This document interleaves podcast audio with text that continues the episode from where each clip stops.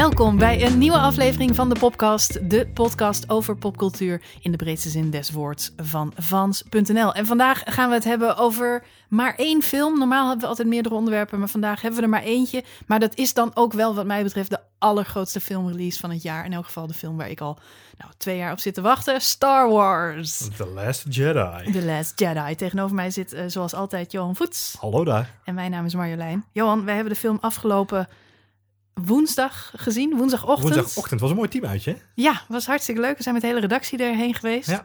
Moesten vroeg opstaan. Bijna de hele redactie. We hadden alleen Evelien bij ons van het team die pas avonds kon. Ja, die mocht niet van haar vriend. Nee, ja, heel goed.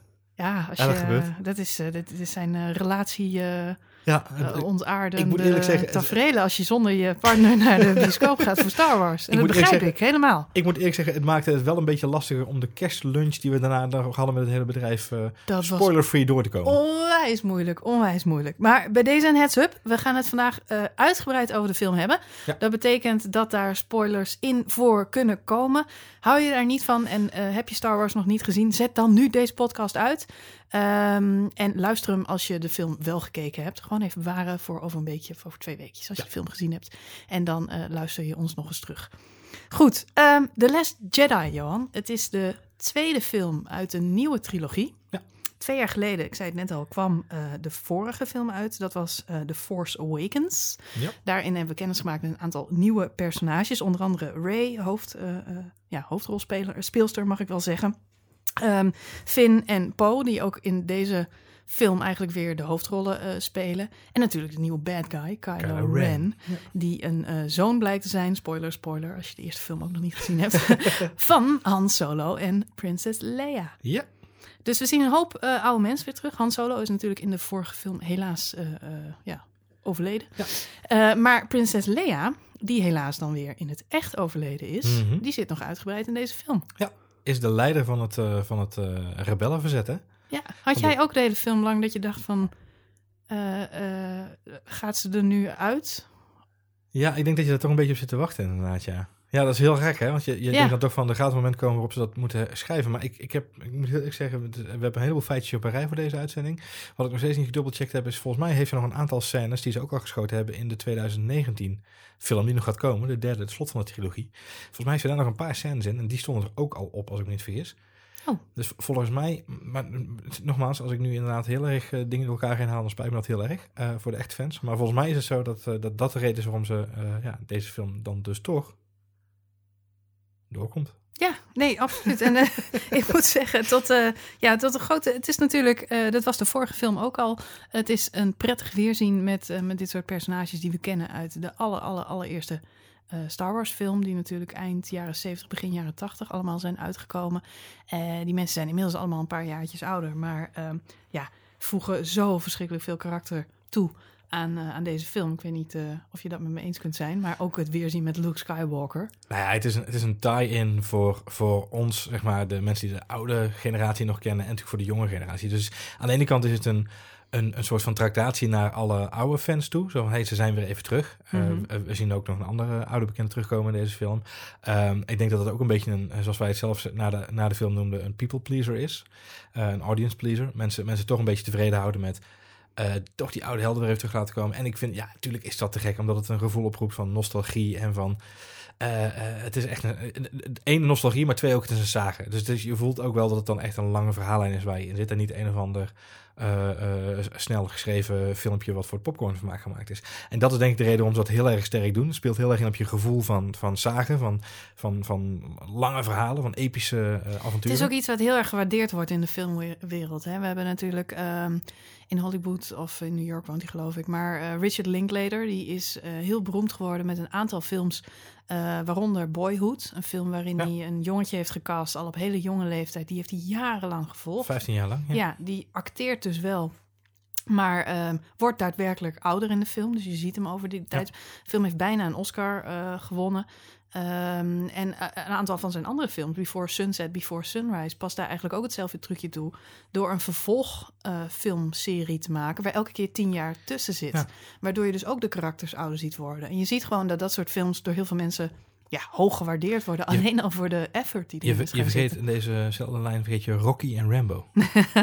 ja. Die geven ook echt een heel groot La- verhaal. la- En, laten we daar ook nog even over. Nee, maar goed, het is natuurlijk... eh, Van een andere orde zijn deze films inderdaad. Ja, het, was, ja, het, het verdrietige vind ik echt dat, dat Princess Leia, dat eh, Carrie Fisher vorig jaar december eh, overleden is.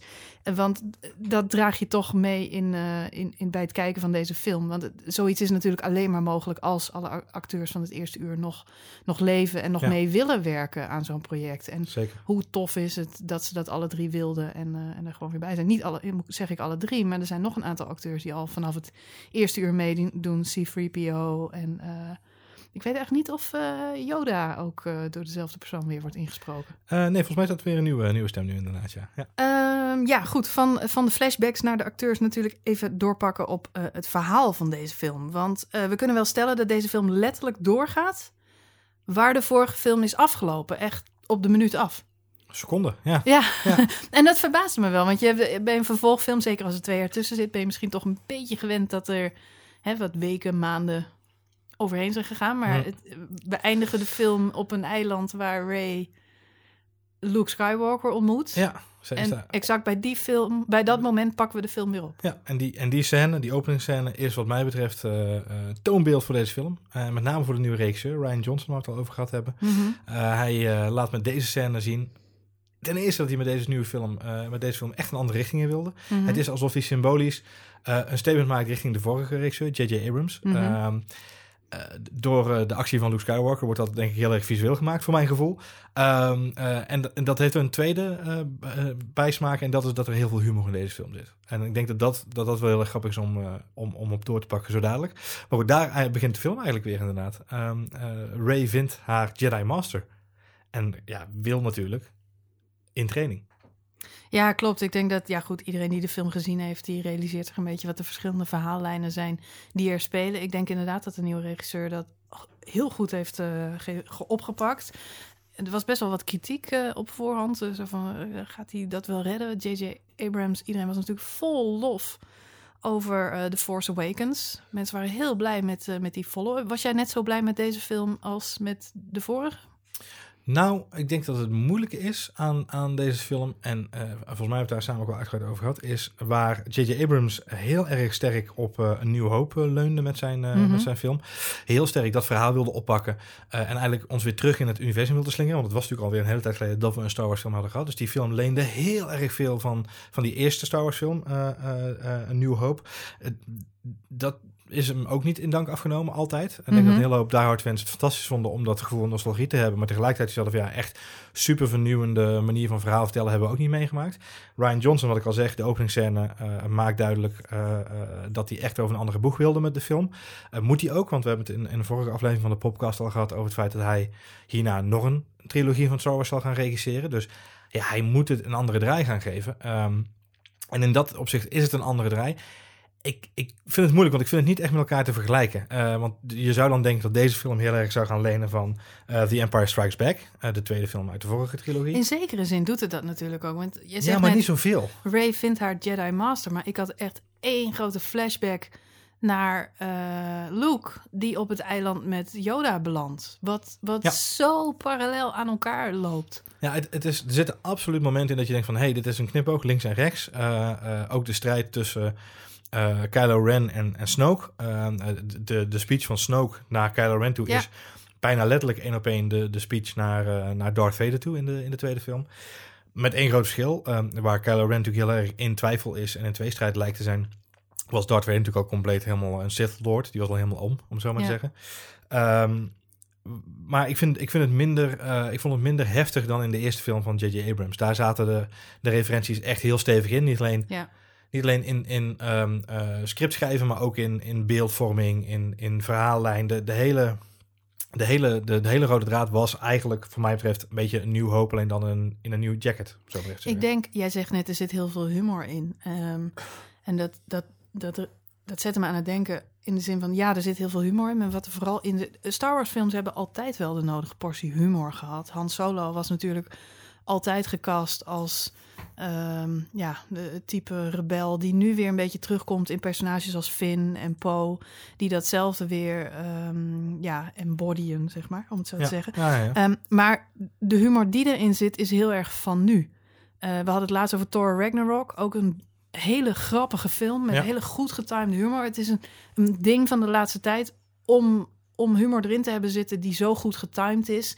En af en toe zelfs het script helemaal uit het lood slaat, omdat een grap bijna ongepast is om, om je nog te laten inleven. Maar die, hij kan, omdat hij zo goed is. Ja. En eh, niet alleen de humor is heel erg van nu, überhaupt de hele filmstijl is natuurlijk heel erg van nu. Mhm. Je zegt het net over Darth Vader die speech krijgt. Darth Vader heeft in de films altijd een masker op. En ehm, gelukkig maar, zou je kunnen zeggen. Ehm, maar eh, daardoor, acteerwise, had je natuurlijk ook altijd best wel moeite om hem te interpreteren. Ja. Jij zegt het nu over Kylo Ren, die struggled met zijn eh, ja, goed versus kwaad. Wat natuurlijk in, in iedereen zit, als je de Force uitleg een beetje mag geloven. Mhm. Ehm, en een van de manieren waarop ze dat beter hebben kunnen tackelen... is door hem dat masker af te laten zetten in deze film. Ja. Eh, Snoke is degene die tegen hem zegt... eh, eh, doe dat stomme masker weg. En daardoor zien we zijn gezicht veel beter. En, en, en zien we die tweestrijd geacteerd op zijn gezicht. Bij Darth Vader vraag je je altijd af... ja, was hij goed? Was hij slecht? Ik weet het niet. Maar het geeft wel aan hoe de stijl van film maken... in de loop der jaren heel erg veranderd is. Vroeger kwam je daarmee weg om gewoon een bad guy neer te zetten... die geen intrinsieke motivatie had. Die, gewoon, die was gewoon evil. En dat hij op het laatste moment omdraaide. Dat was goed genoeg. Weet je wel? Dat hij toch weer naar de, naar de Ja. light side kwam. Dat was prima. Nu, ja, mensen zijn kritischer geworden. Dus ik denk dat Hm. dat ook meetelt in deze film. Dat, Vind, vind ik, vind ik fascinerend punt wat je maakt, want tegelijkertijd realiseer ik me dat we hebben het over, eh, over Kylo Ren en we hebben het over zijn grote meester, Snoke. Ja. Gespeeld door Andy Serkis. En als ik Ja. die naam noem, dan weten de meeste mensen dat er waarschijnlijk column. geen enkele, geen enkele eh vlees en bloed acteur aan toegevoegd te, pas gekomen is. Er luisteren alleen maar nerds naar deze podcast. Nee, maar weet dat- je toch? Ik bedoel te zeggen is, dan weten de meeste mensen dat er dus daadwerkelijk geen moment is geweest dat Andy Serkis echt op de set is geweest waarschijnlijk. Oh, zo. Ehm, dat er geen echte acteur staat, maar een CGI. Ja. Eh, dus pixel perfect. Eh, volgens de sommige recensies gelezen heb, een opgeblazen golem die die, eh, die, die neerzet. Eh, Snoke is, eh, was al te zien in The Force Awakens. Is de leider van de First Order. De, de, Mhm. de Supreme Leader, zoals die wordt genoemd in de film. Ook door General Hux. Of is het toch Hux? Ehm, wat, ehm, eh, eh, wat hij is, is puur evil. Alleen niemand weet waarom. Nee, hij is- hij heeft een matige introductie gehad in de vorige film. Hij is de, de grote leider. Het wordt in de vorige Ja. film en in deze film duidelijk gemaakt dat hij eigenlijk van alles op de hoogte is. Hij is op de hoogte Ja, van de situatie van Darth Vader. Bij Hij kan, Emperor natuurlijk veel meer build-up. Dat had echt een aanloop. en hij kan, eh, hij, kan, hij kan, blijkt in deze film mensen aan elkaar verbinden, geestelijk. Dat, dat is ook een typisch dingetje. Dat je denkt, Ja. nou, dat is ook geen Het misselijke deed me ook heel erg aan Voldemort denken. Ik weet niet Ja. of jij dat ook al... Ook, ook zijn- überhaupt zijn hele looks, maar... Had Ja. echt, ja, nee, maar Voldemort en, eh, doet natuurlijk datzelfde. Hè? Mensen, eh, Ja. Voor de mensen die geen Harry Potter film eh, fan eh, zijn, eh, of boek. Eh, Voldemort is de bad guy uit eh, Harry Potter. En die juist ook via eh Jedi mind tricks, Ja, telepathie, eh, contact zoekt eh, met Nee, mensen. klopt. Nee, maar goed, dus dat, dat weet je, dat is ook een, een evil guy die we, dan, die we dan wel weer zien. Dus eh, ja, ik weet het niet. Ik, ik vond het... ehm, eh, wat dat gaat, zitten er toch wel wat meer... eh, jij zegt filmisch gezien is het heel anders dan is van nu. Ben ik wel met je eens. Ja. Maar toch ook wel weer datzelfde trucje van een supreme leader die de grote kwaad is. Maar we weten niet precies waarom. En het wordt ook niet duidelijk gemaakt. onder Als ik, eh, als ik een klein puntje van kritiek mag hebben op de film, want eh, vooropgesteld, ik vond het weer een fantastische Star Wars film. Ik kan mij echt gewoon daar eh 2,5 uur zonder moeite naar laten kijken. Ja. Ik vind het eh, fantastisch. Maar eh, als ik dan toch een klein kritisch nootje mag aanpas, eh, aanbrengen, dan vond ik dat, ehm, dat de film je een aantal keer op het verkeerde been zet. Mhm. En eh, dat is natuurlijk niet zo erg. Dat is alleen maar goed om verrassing te krijgen. Maar het gebeurt een aantal keer op zo'n manier dat je eh, geen, ja, eh, bijna geen emotie meer voelt bij, Het iets- momentum. bij Ja. het momentum. En dan Mhm. heb ik het over met name de drie in scène gezette sterfscènes die we Ja. in deze film zien. We zien prinses Leia op een gegeven moment bij een explosie om het leven eh, komen. Ja. Met heel veel aan eh, zwellende violen en eh, dramatiek. Ja. En dan blijkt zij alsnog in de ruimte te zweven. Wat ik echt een hele cringeworthy scène vond. Ja, ik vond het... alle respect voor, voor Carrie Fisher, maar ik vond hem net iets too much. Ja. Hoe ze daar heel ijzig door de ruimte vloog. Uh, maar goed, die blijkt dus niet dood te zijn. Die klopt aan op het raampje. En die komt alle George Clooney, komt hij weer binnen. Goedemiddag. Ja. Goedemiddag, daar ben ik weer. Um, Finn heeft een helder moment waarop hij snoeihard, eh, zeg maar, in zijn uh, gammele spacebak. Op een kamikaze-actie aangaat? Ja, op een kamikaze-actie gaat. Die, uh, nou, die krijgt ook alle violen en alle egaars. En we gaan ervan uit dat hij echt doodgaat. En dan wordt hij eigenlijk door Rose van de weg getikt. Ja. En uh, met een of ander love excuse, protect what you love, wordt hij weer naar de... wordt, hij, wordt zijn leven gered eigenlijk. Ja. En haar, waarop je even denkt dat zij dan doodgaat. Maar vervolgens wordt zij ook op een brancard gewoon binnengebracht. Ja, dus ze gaat ook niet dood. Nee. En wat was nou, er was nog iemand die niet dood bleek te gaan. Ik ben hem even kwijt. Nee, het, volgens mij is het uh, de situatie met, uh, uh, met weet je, Luke Skywalker, het eindgevecht. Oh, ja, nou, ja. dat vergeet ik helemaal. Ja. Luke Skywalker uiteraard, een van de, wel een van de mooiste scènes van de film trouwens. Ja. Van überhaupt de scènes aan het einde van de film op de planeet Crate. Ja. Fantastisch. Wat een toffe visual effects met dat rode zout wat door dat witte ijs heen komt. Prachtig. Maar goed, hij wordt natuurlijk... Witte zout op de rode grond. Rode, ja. rode, ja, rood zout, toch? Nee, rode grond en wit zout dat bovenop ligt, ja. De zoutmijnen zelf zijn ook rood, dus dan is het zout toch rood? Ja, dat is een goede vraag. Volgens mij lag er sneeuw, ijs ja, bovenop. Ja, sorry, een goed. sneeuwlaag. Goeie, goeie discussie. Om te, laten we de meteoroloog van onze, onze, Laten van onze even podcast Wiki erbij pakken. Daar staat het vast omschreven. Overigens, Crate is niet voor deze film bedacht, hè mensen. Er bestaat al jarenlang in alle fan fiction en uh, games die er al gemaakt zijn. Bestaat echt? Goed. Um, nee, Luke Skywalker, die gaat natuurlijk in gevecht met Kylo Ren. Zo, Ja. zo lijkt het. Ja. Wat echt een super spannend moment is. Wat een super epic battle is. En uiteindelijk ook wel super tof hoor. Maar ook weer een Jedi mind trick. Want hij zit gewoon op het eiland te mediteren. Ja. En uh, visualiseert zichzelf daar te plaatsen. Wat echt super vet is. Wat gewoon tof is. Maar, Maar de angel is eruit gehaald door die eerdere maar de scènes. angel is er inderdaad uitgehaald door die ede- e- eerdere twee sterfscènes. Ja. En dan is het voor de derde keer... Oh, hij is het niet echt. Hij gaat Ja. niet echt dood. En dat is toch een beetje leem. En misschien komt het omdat ik Game of Thrones nu gewend ben. Alhoewel dat ook een beetje een laf seizoen was afgelopen Mhm. eh, jaar natuurlijk. Maar we zijn wel gewend geraakt dat af en toe hoofdpersonages gewoon Hoed kopje af, ja. ja, dood mogen gaan. En tuurlijk vind ik het als fan fantastisch dat Luke Skywalker gewoon rustig op zijn eilandje Ja, tegen de ondergaande zon Zo, wegwaait. Ja, dat is belangrijk. In eternity. Hij heeft ook 4-hour workweek gelezen. En Hij thuiswerken is Precies. belangrijk. Dus ik, ik snap het wel, maar ik vond het wel jammer. Nou, als ik, als, ik daar, als ik daar een klein beetje op mag, eh, mag, mag door, voortborduren... en dan, dan moeten we wel weer terug naar alle positieve dingen... want precies wat jij zegt, het is wel een fantastische film. Ehm, ik vond hem visueel, de, de film in het algemeen... vond ik hem underwhelming, om het zo maar even te zeggen. Eh, veel scènes die eh, zich afspelen op toch wat beperktere... visuele planeten of wat minder spannend in beeld worden gebracht. We hebben een hele mooie casino-scène, dat, maar dat ligt de focus zo nadrukkelijk op het in beeld brengen van al die pracht en praal, dat het eigenlijk ten koste gaat van de ervaring. Eh, eh, vond ik heel erg jammer. Ehm, eigenlijk is die laatste scène, de planeet Crate die je net omschrijft, dat is visueel gezien misschien wel de, de mooiste. Ik bedoel, het eiland waar, waar Luke Skywalker is fantastisch. Eh, Echt wel mooi, maar dat kun je maar, Maar op zoveel bijna een manieren... beetje saai. Nou, je kunt het maar op zoveel manieren mooi in beeld brengen. Op een gegeven moment heb je dan het rondje wel gehad van mooie cyclische beelden. En zo'n drone kan natuurlijk wel blijven, rondje blijven vliegen, maar het houdt Ja. een keer op. En ehm, en dat vond ik op zich wel jammer dat het, het normaliter, en dat heeft niks te maken met de lensflares van J.J. Abrams, maar de vorige film zat wel visueel ook wat sterker in elkaar. Her en der had ik het gevoel. Was mijn Ehm, gevoel wel, ja. Ehm, eh, en als we het dan toch hebben over underwhelming en, en ook wel een beetje overwhelming, want dat is een mooi bruggetje naar denk ik wat het punt is wat ik heel mooi vond in deze film. Ehm, er zijn een aantal verhaallijnen en een aantal stukken die behoorlijk underwhelmed zijn gebracht. En een beetje eh, eh, underwritten moet ik eigenlijk zeggen. Ehm eh, hoe heet ze? Ehm, Kelly Mary Tran, die eh, Rose, speelt, Rose. Ja, speelt een fantastische rol, ja vind ik. dat is goed. Ehm, ook een fantastische rol voor Laura Dern als Vice Admiral Holdo. Die in de Ja, ik moet zeggen dat die twee verhaallijnen mij het meest aangrepen zelfs. Nou, dat is, dat is iets waar ik, wat, ik, wat ik me heel goed kan voorstellen. Dan vind ik het dus heel erg jammer. Eh, Als je kijkt naar de verhaallijn, eh, feitelijk, we hadden het net al even in de voorbespreking samen heel kort over, zijn er twee, twee verhaallijnen die je zou kunnen, kunnen distingueren. Eén is het gevecht tussen de Rebel Alliance of the Resistance en de First Order. Mhm. En aan de andere kant heb je de, de up-and-coming eh, eh, Jedi Mastership van, van Rey, wat natuurlijk in beeld wordt gebracht. Mhm. En daarin zijn weer allerlei mini-verhaaltjes te ontdekken. Maar als je kijkt naar dat Resistance-verhaal, dat de, de, eh, op dat schip, wat ze aan het doen zijn, dan is dat net niet... Het, het is net, net wat rommelig geschreven af en toe, voor mijn gevoel. Er zitten een paar plotholes in waarvan ik denk, joh, dat had ook anders opgelost kunnen worden. Het feit dat er op het einde ineens een kamikaze-actie wordt uitgevoerd waarbij een schip wordt opgeblazen. En ik van ja, had dat dan gewoon een uur geleden bedacht? Als, het dan, eh, als dat altijd al een optie is geweest, als het on the board was. Ja. Er zitten een paar dingen in. En wat ik gewoon heel erg jammer vind, is dat eigenlijk de, het verhaallijntje van Laura Dern, die een fantastische rol speelt als, als Holdo, niet goed gebracht wordt. Zij wordt geïntroduceerd. Vrij, het is- het is een hele opvallende verschijning in de film, Mhm. maar ze wordt heel plat gebracht.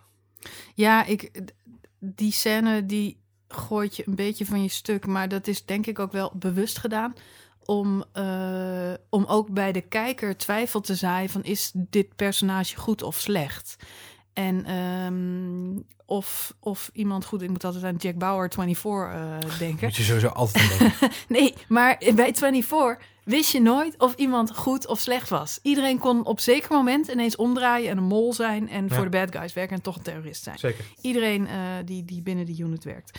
En bij Star Wars wordt dat een beetje vermeden door Laura Dern als nieuw personage te introduceren. Dit is een eh, nieuwe vice admiral en die is nu in charge of the ship. Nu Leia even knock-out ligt eh, Ja. in bed.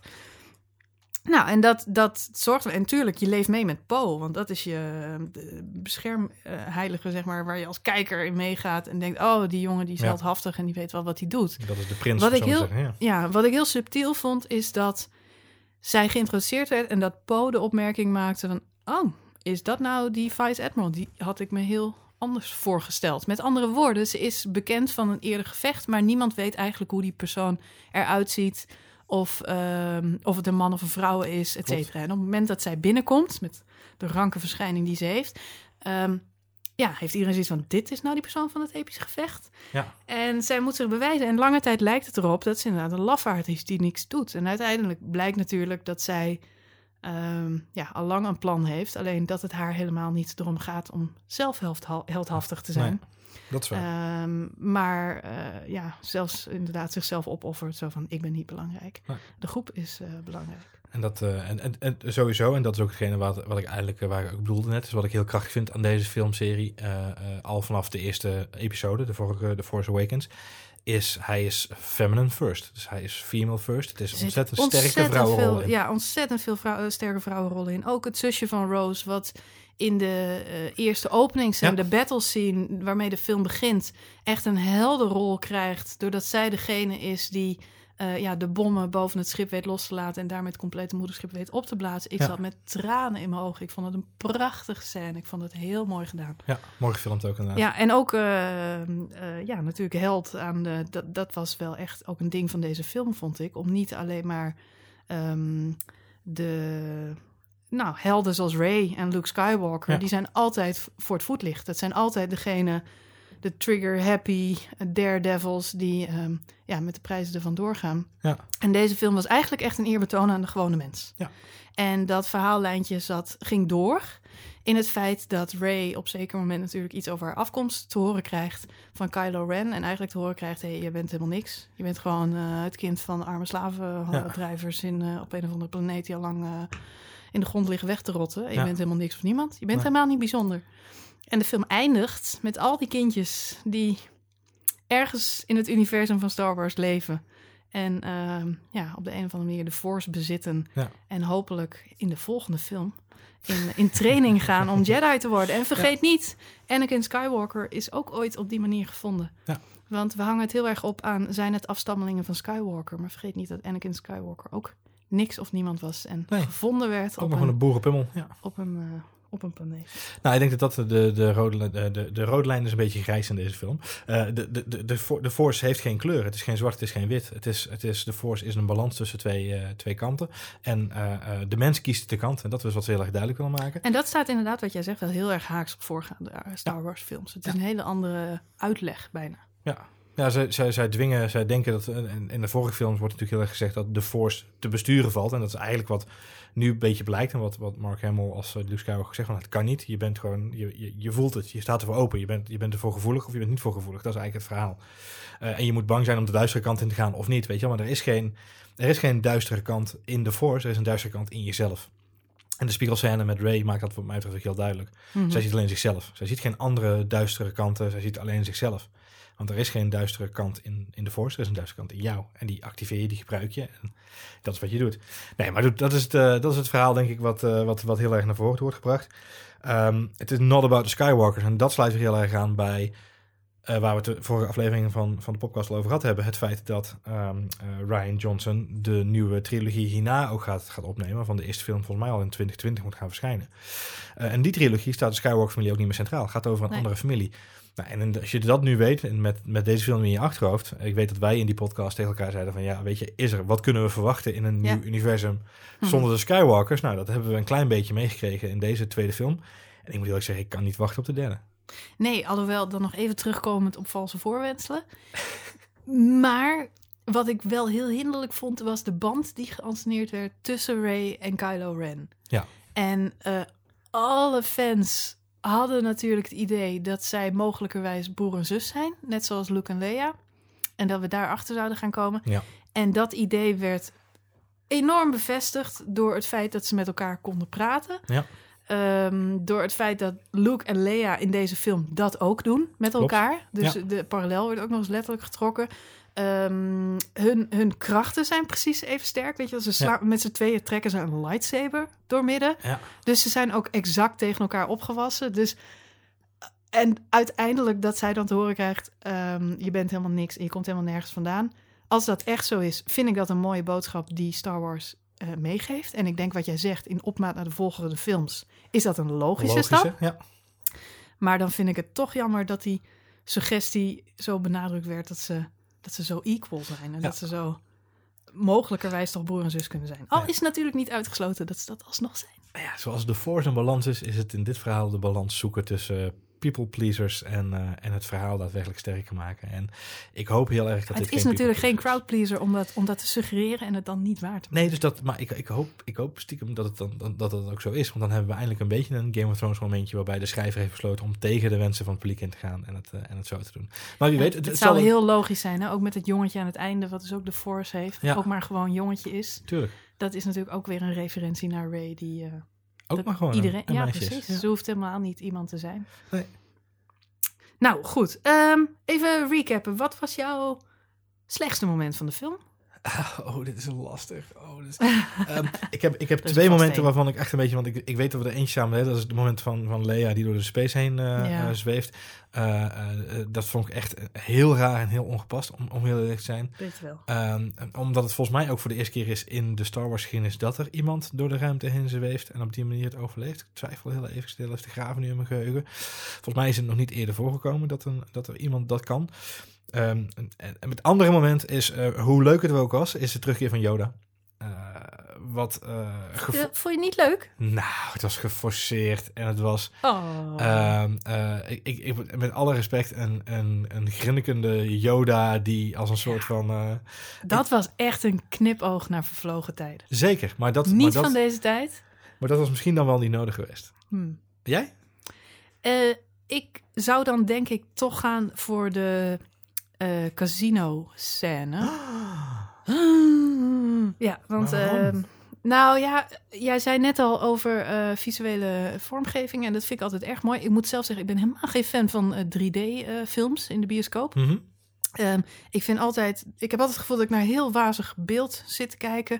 Je zit door zo'n plastic dingetje te kijken en 3D-effect ben ik na vijf minuten al helemaal vergeten en valt Mhm. me totaal niet meer op. Ja. Ehm, en ik denk in het geval van de casino-scène, ik, ik, ik wil de film heel graag terugzien, straks 4K gewoon op mijn eigen beeldscherm thuis. Mhm. Eh, omdat ik denk dat die stad wel degelijk heel mooi is vormgegeven. Maar achter die 3D-bril ging alle detail me een beetje verloren. En was het gewoon niet zo mindblowing als dat ik denk dat de visueel effectmakers het beoogd hadden. Ik snap het. Ja. Ehm, eh, en dan bedoel ik met name de scènes waarbij je aanvliegt op dat, eh, op dat stadje. Mhm. Maar ook in het casino zelf. Ik vond het een beetje een sloppy story. Dat ze dan op zoek moeten gaan naar een codepicker met een rode roos. En na veel omhaal vinden ze die dan. Die wordt geïntroduceerd. En vervolgens belanden ze in hetzelfde en nemen ze heel iemand anders mee. Ja. En die man met die rode roos die zien we nooit meer terug. Nee. En ik, oh man, het story schrijf wise Ja. is dat, ja, ik vind Ik ja. vond het ook een hele grote boog die ze daar maken. Ik- en dat, ja, en dat is misschien wel mijn grote grootste... En daarom zeg ik al, het verhaal, het verhaal van... En, we, hadden het, we hebben het hier uitgebreid over maar het verhaal van ehm, de Resistance op dat schip, de manier waarop het verhaal verteld wordt, het struikelt soms over zichzelf in hoe ze het willen vertellen. Ik snap alle stukjes die ze willen doen. Ik snap het helemaal vanuit een storytelling perspectief. Ik snap het vanuit de, de- de- wat ze willen laten zien. Maar het, af en toe struikelt het gewoon over zichzelf. En dat is Ja. gewoon zonde. Vond ik jammer. Eh, maar goed, ik, ik kan me daarin Maar, vinden. Ja, ik, ik snap je eh, uitleg, laat ik zo we zeggen. zijn, dat, we zijn kritisch, maar dat betekent, nog steeds betekent niet dat we het niet fantastisch vonden. Want Nee. wat was jouw hoogtepunt van de film? Ehm, mijn hoogtepunt van de film, oeh, dat is een lastige. Oh, ik moet zeggen, ik moet, heel eerlijk zeggen, ik vind de, eh, ik vind de, de, de, de openingsscène vond ik heel mooi. Met eh, de aanval op, op een van de grotere schepen van, van, de, van de First Order, Ja, sorry. vond ik ook. Vond ik een hele mooie scène. Ehm, en, en ik denk toch ook wel ehm, eh, de, de laatste shots van, van Luke Skywalker. Ja. Hoe, hoe cliché het soms ook een beetje was, misschien. Maar het is toch wel, je neemt afscheid van een jeugdheld dan, gevoelsmatig. Ja, jammer dat Luke nu ook weg is. Dan zijn we Han kwijt, dan zijn we Luke kwijt. Ja. Ja, maar Han komt nog terug in zijn jongere versie, hè, dus dat scheelt. We zijn nog niet helemaal onthand. ik vond... eh, ik had ook meerdere Luke hoogtepunten in de film, hoor. Eh, ik zit te denken, maar ik vond alle scènes met Luke Skywalker heel tof. Ik vond de... Eh, vond alle scènes met Luke Skywalker heel erg tof. Ja, ik vond het wel grappig, zo'n oude Mm. knorrenpot of zo'n eiland die nergens meer zin in had. Echt een heleboel... eh, dat verhaal duurde echt te lang. Ja, het duurde Maar goed, lang, maar het was, no het was nodig voor de opbouw. Het was nodig voor haar karaktervorming. en Dus voor de closure van Luke Skywalker. dat Ja. wel. ja. Ehm, ik vond het gevecht tussen... of, eh, waarbij eh, Kylo Ren en Rey samenwerkten heel erg mooi. Visueel. Eh, visueel ja. inderdaad. De openingsscène was inderdaad fantastisch. Wat ik al zei, Rose, haar zusje, die als later over... Sowieso vind ik al die...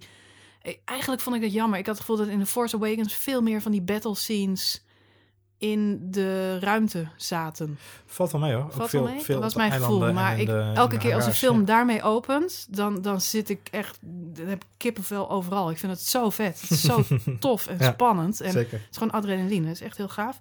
Ehm, maar ook eh, de, de, ja, de, de, de, de eindscène waarin Ray ehm, die stenen van die, van die grot Ja, ja, ja. optilt en de muziek aanzwelt en zij daar allemaal uitkomen en ja, een uitgang hebben. Ja. En, en zij natuurlijk weer samenkomt met haar vrienden. En, Ja. ja. Ja, het is eh, één ding kun je altijd zeggen over Star Wars. Het is episch. Het is episch. En Zeker. mensen, je houdt ervan of je houdt er niet van.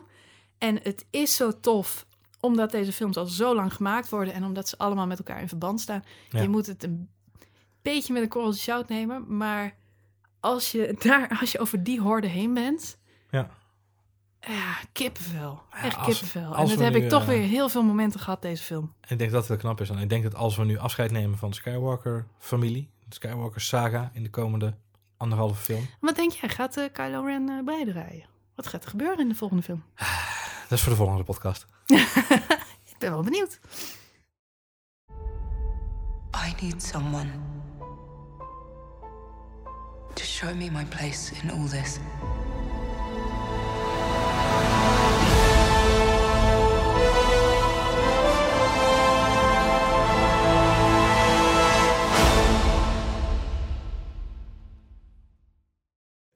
Goed, eh, deze aflevering van de podcast, tenminste in elk geval qua Star Wars zit erop. Wij sluiten zoals eh, gebruikelijk elke week heel kort af met wat ons eh, blij maakt in andere media. Johan, wat maakt jou deze week blij? Ja, volgens mij zitten we op één lijn deze week. En het wordt een beetje een Netflix-related, wat maakt ons blij. Oh, het zal ook eens niet. Het zal weer eens niet inderdaad, nee. Hey, en, en- maar wel lekker, lekker tegenstrijdig. En het is een beetje een oudje, maar wel een goedje.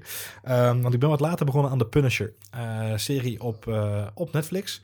Marvel's The Punisher. Ik zie jou al met een goed Oh, gezicht dat klinkt echt iets als voor mij. Echt. Nee, nou ja, ik denk dat je hem nog best wel zou kunnen waarderen. Hm. Ik was ontzettend Ik fan heb van de helemaal comics. niks met Marvel-series op eh, Netflix voor de mensen thuis. Nee, nee en, en ik moet zeggen dat ik voor mij is het een, eh, een, eh, een eh, love-hate eh, eh, scenario. Want het gaat eh, met ups en downs. En de meeste zijn, eh, zijn matig. Sommige zijn echt heel erg goed.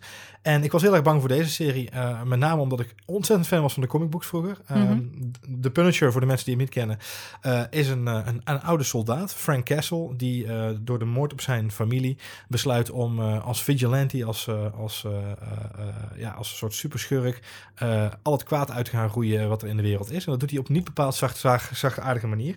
in eerste instantie treedt hij vooral op tegen de maffia, maar daarbij schuwt hij het geweld waarbij andere slachtoffers, vallen niet. Nou, deze Punisher hebben we eigenlijk al vier keer eerder op het, op het scherm gezien. Ehm, in de jaren 80 in, en in het begin van deze eeuw. Met wisselende successen. Maar John Bernthal is de acteur die in deze serie uh, en ook al in Daredevil, tweede seizoen, de rol van de Punisher op zich neemt. En dat doet hij zo verschrikkelijk goed. Ze hebben het verhaal helemaal bijgedraaid voor uh, echt anno 2017. Het gaat ook niet langer meer om een, uh, om een maffiamoord, maar om de CIA is betrokken en het Amerikaanse leger, Homeland Security. Dus het maakt een heel mooi modern verhaal van. En ik was even bang dat het een cliché-aflevering zou, of een serie zou gaan worden vanaf de eerste aflevering. Maar eigenlijk vanaf de tweede aflevering, zeker het einde van de tweede aflevering, begin van de derde, is het zo'n origineel verhaal. En, en is het gewoon aan stuk door doorkijken en wil je die serie gewoon gezien hebben. Dus uh, misschien niet zo leuk voor de festiviteiten met kerst deze, deze feestdagen. Til hem even over de feestdagen heen om het een beetje vrolijk te houden in je huis misschien. Maar als je hem nog niet gezien hebt, eh, check zeker de Punisher op Netflix. Klinkt als een aanrader. Ja. niet helemaal mijn cup of tea. Wat wel mijn cup of tea is, speaking of tea, is uh, dat er een nieuw seizoen van uh, The Crown in première is gegaan. Eveneens op Netflix. En dan denk je, goh, dat is heel wat anders dan Star Wars, Marjolein. Dat klopt inderdaad. Um, The Crown is het vervolg op uh, seizoen 1 en gaat over het leven van Queen Elizabeth, de huidige koningin van Engeland. En uh, wat ze met die serie gaan doen, wat in elk geval de bedoeling is, is om eigenlijk haar hele leven in, in beeld te brengen. Vanaf het moment dat zij koningin werd, dat gebeurde in het vorige seizoen, um, ja, tot en met uh, waar we vandaag de dag zijn. Dus er zijn al speculaties over uh, wie Meghan Markle moet gaan spelen nee. als, als vrouw van Prins Harry. ja, of we dat gezien, dat, ja, dat weten we pas over een aantal jaar, want de serie komt ja, eens per jaar uit. Wat wel vaststaat, is dat de huidige acteurs, um, in elk geval de actrice die op dit moment Queen Elizabeth speelt, niet meer in het volgende seizoen zal spelen. Omdat dus ook de bedoeling is dat uh, er steeds met andere acteurs en actrices gewerkt gaat ja. worden. Zodat je ook daadwerkelijk mensen ouder ziet worden. Ik las uh, deze week een interview met, uh, met de hoofdrolspeelster Claire Foy in, ja. uh, in Parool toevallig. Um, daarin zei ze ook van ja, het zou natuurlijk heel erg gek zijn als ik deze rol blijf spelen. Want elk seizoen omslaat of bevat in principe tien jaar van het, van het koningschap. Er zijn ja. nu vijf seizoenen gepland sowieso. Uh, dus dat is 50 jaar uh, Queen Elizabeth. Waarvan zij dus 20 op haar rekening neemt. Dat is al vrij veel voor een actrice van 32. Dus dat betekent dat ze nog wel even vooruit moet. Uh, maar ze zegt, het zou natuurlijk heel erg gek zijn als ze mij gaan opmaken en, en mij met, met allerlei make-up en, en toebehoren ouder gaan maken. Terwijl er ook gewoon hartstikke goede Britse actrices zijn die ouder zijn, die die rol fantastisch kunnen spelen. En dat geeft de serie ook weer nieuw elan, denk ik. Dus ik ben heel benieuwd inderdaad naar de nieuwe seizoen alweer nu. Klopt, er gaan nog geruchten rond dat Helen Mirren in de race zou zijn om haar op hogere leeftijd te gaan spelen. Uiteraard, ja. Uiteraard, zal ook eens niet. Het zijn elke keer weer dezelfde. Dame, die, uh, Dame Judy Dench nog niet Ju genoemd? Nee, die speelt meestal een van de voorouders. Uh, Victoria, van het inderdaad, ja. Koningshuis. Uh, goed, nee, ik kan het je zeker aanraden.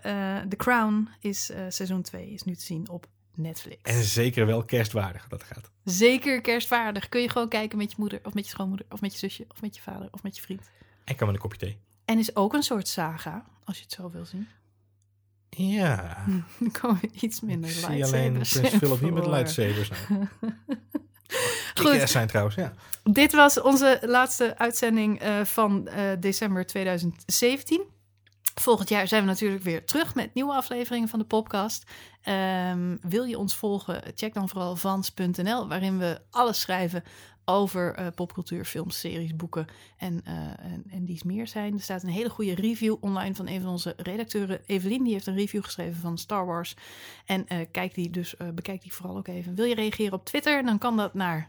Johan Voets. Of naar Marjolein, of je mag naar Vans NL reageren. Dan beantwoorden we je berichten ook gewoon. We zitten er echt achter, jongens. We zitten er echt achter. Ik krijg gewoon een push alert op mijn telefoon als er getwitterd wordt. Goed, heel erg bedankt voor het luisteren en heel graag tot de volgende aflevering.